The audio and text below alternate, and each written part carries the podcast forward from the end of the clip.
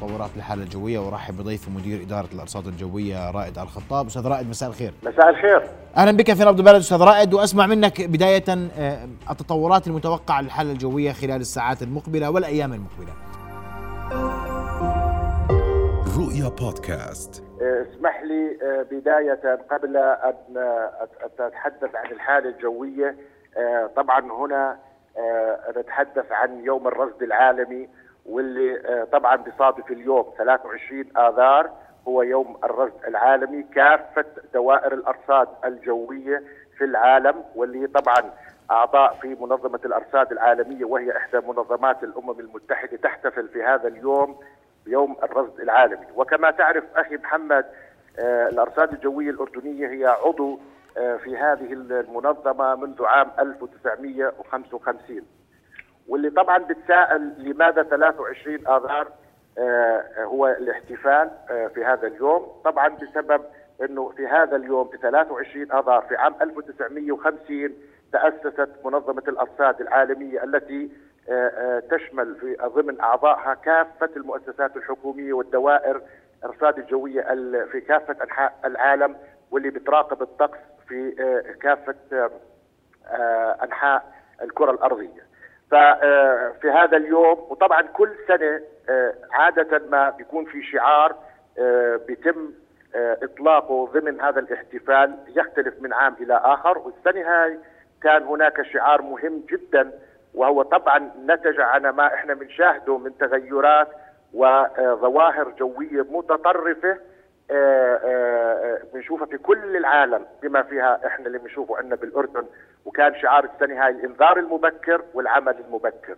ال early warning and ال early action لابد إنه نعرف إنه التغيرات المناخية اللي بتحدث في العالم ونحن جزء من هذا العالم آه، يرافقها حالات متطرفة سواء آه، حدوث موجات الحر، الموجات الغبارية، الفيضانات، آه، الحرائق إلى آخره من الظواهر القاسية اللي قاعدة بتحدث وبنشاهدها في كل العالم، فمشان هيك كان في هناك رفع شعار مهم جدا العام هذا اللي هو الإنذار المبكر والعمل المبكر استعدادا لما قد يحدث خاصة إحنا بنعرف إنه آه، خسائر العالم كبيرة في موضوع ال- الظواهر الطقس المتطرفة يعني نعم. هناك يمكن في آخر خمسين سنة أخي محمد أكثر من 11 ألف كارثة متصلة بالطقس وكان خسائر العالم تصل ما تجاوز الثلاثة ونص تريليون دولار آه، في العالم نتيجة هذه الظواهر المتطرفة الناتجة عن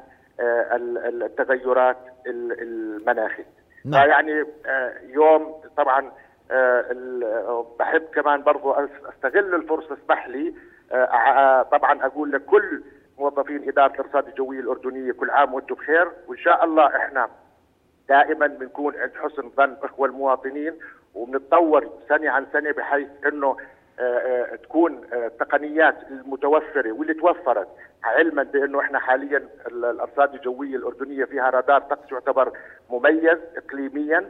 بحمد الله هناك عندنا حوالي أكثر من 30 محطة أوتوماتيكية أكثر من 20 نعم. محطة يدوية. طيب. هذه التقنيات إن شاء الله نستغلها حتى نقدم الإنذار المبكر في الوقت المناسب وللمكان المناسب. كل التوفيق أستاذ رائد. ندخل بالحالة الجوية. انت كرمت الليلة غدا والأيام المقبلة.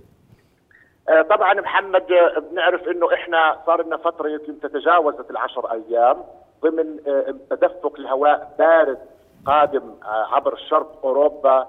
وسيطر على هذه المناطق وتركيا ومناطق شرق المتوسط. ودرجات الحرارة منذ أكثر من عشر أيام آه، كانت ضمن أقل من معدلاتها الاعتيادية، معدل الطبيعي بهذه الفترة بعمان في حدود ال 17 ل 18 لكن لم نرى هذا الأرقام خلال هذه الفترة وهذا التدفق للهواء البارد ساعد على آه، أيضا تشكل اليوم منخفض جوي غرب جزيرة قبرص. هذا المنخفض آه، متوقع يتمركز غدا الخميس فوق جزيرة قبرص والسواحل وعلى السواحل آه، اللبنانية. آه، الساعات القادمة ماذا سيحدث بالنسبة لليوم بالليل؟ إحنا بشكل عام آه، في نوعا ما هدوء. ما في هناك توقع لأي هطولات مطرية بالنسبة لكافة مناطق المملكة لكن أجواء شديدة البرودة.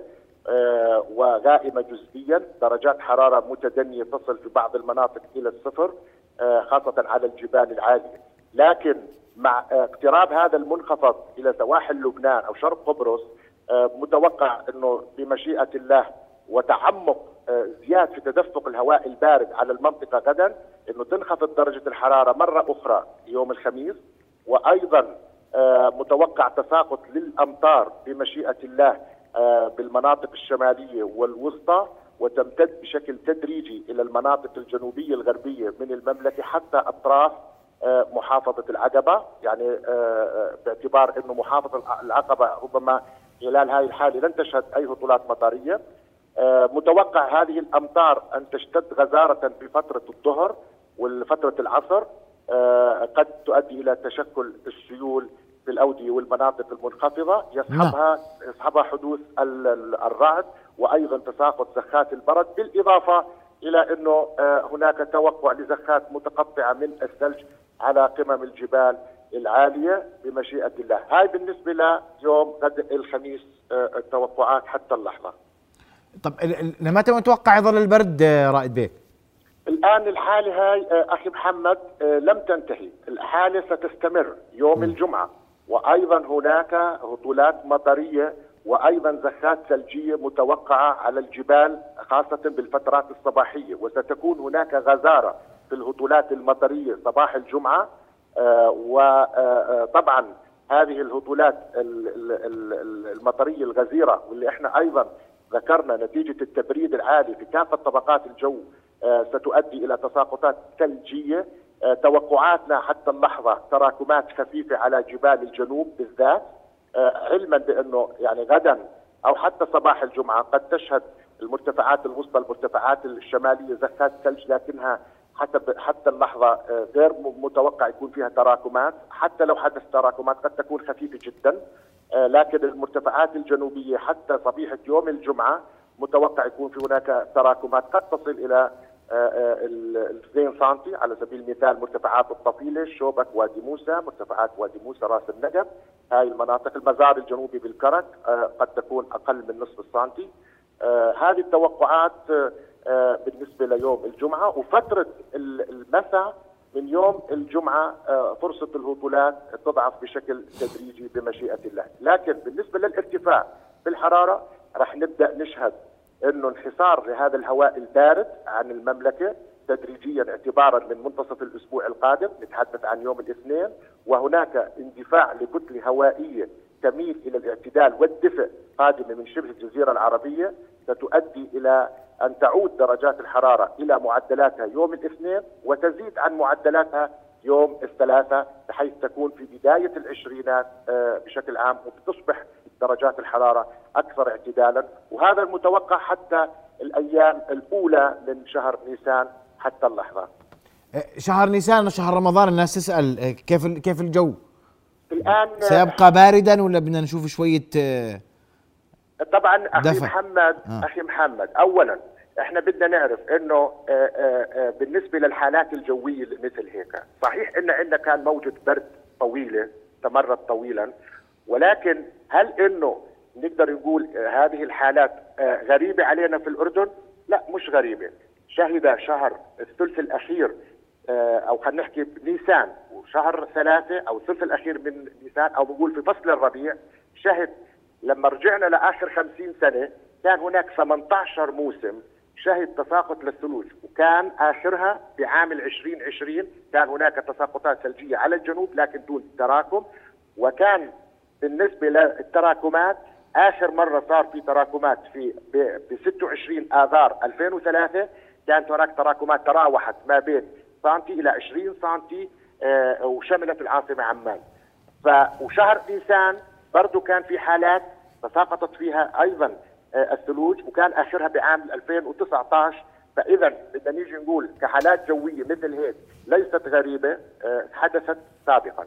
الآن بالنسبة لبداية نيسان حتى اللحظة يعني الأسبوع الأول أو خلينا نحكي الأسبوع الأول باعتبار إنه ربما رمضان يكون ب 2 نيسان 2 4 آه ال- ال- الأسبوع الأول من رمضان راح نشوف درجات حرارة تصل ما يزيد عن منتصف العشرينات راح نشعر بالدفء إن شاء الله في الأسبوع الأول من رمضان آه، حسب حسب هاي التوقعات حتى هذه اللحظة. ولكن هل إنه آه، الموسم المطري انتهى؟ لم ينتهي الموسم المطري، هناك مؤشرات بالنسبة لشهر نيسان لشهر رمضان إنه يكون في عندي حالات جوية قد تكون أولها في الأسبوع الأول في آخره. لكن ضمن الدفء لأنه إحنا في عادة بشهر نيسان بشهر أربعة نتأثر بحالات عدم استقرار جوي أو منخفضات خمسينية. نعم. فبالتالي وارد يكون في عندنا حالات مطرية بشهر رمضان نعم. وهذا المؤشر لكن درجات الحرارة بارتفاع وراح نشوف إن شاء الله هذا الارتفاع مع يوم الثلاثاء القادم بمشيئة الله. نعم مدير إدارة الأرصاد الجوية آه، أستاذ رائد الخطاب أشكرك كل الشكر كنت معنا مباشرة. تحدثنا عن الحالة الجوية التي تؤثر على خلال الأيام المقبلة الأسبوع المقبل والأسبوع الأول من رؤيا بودكاست.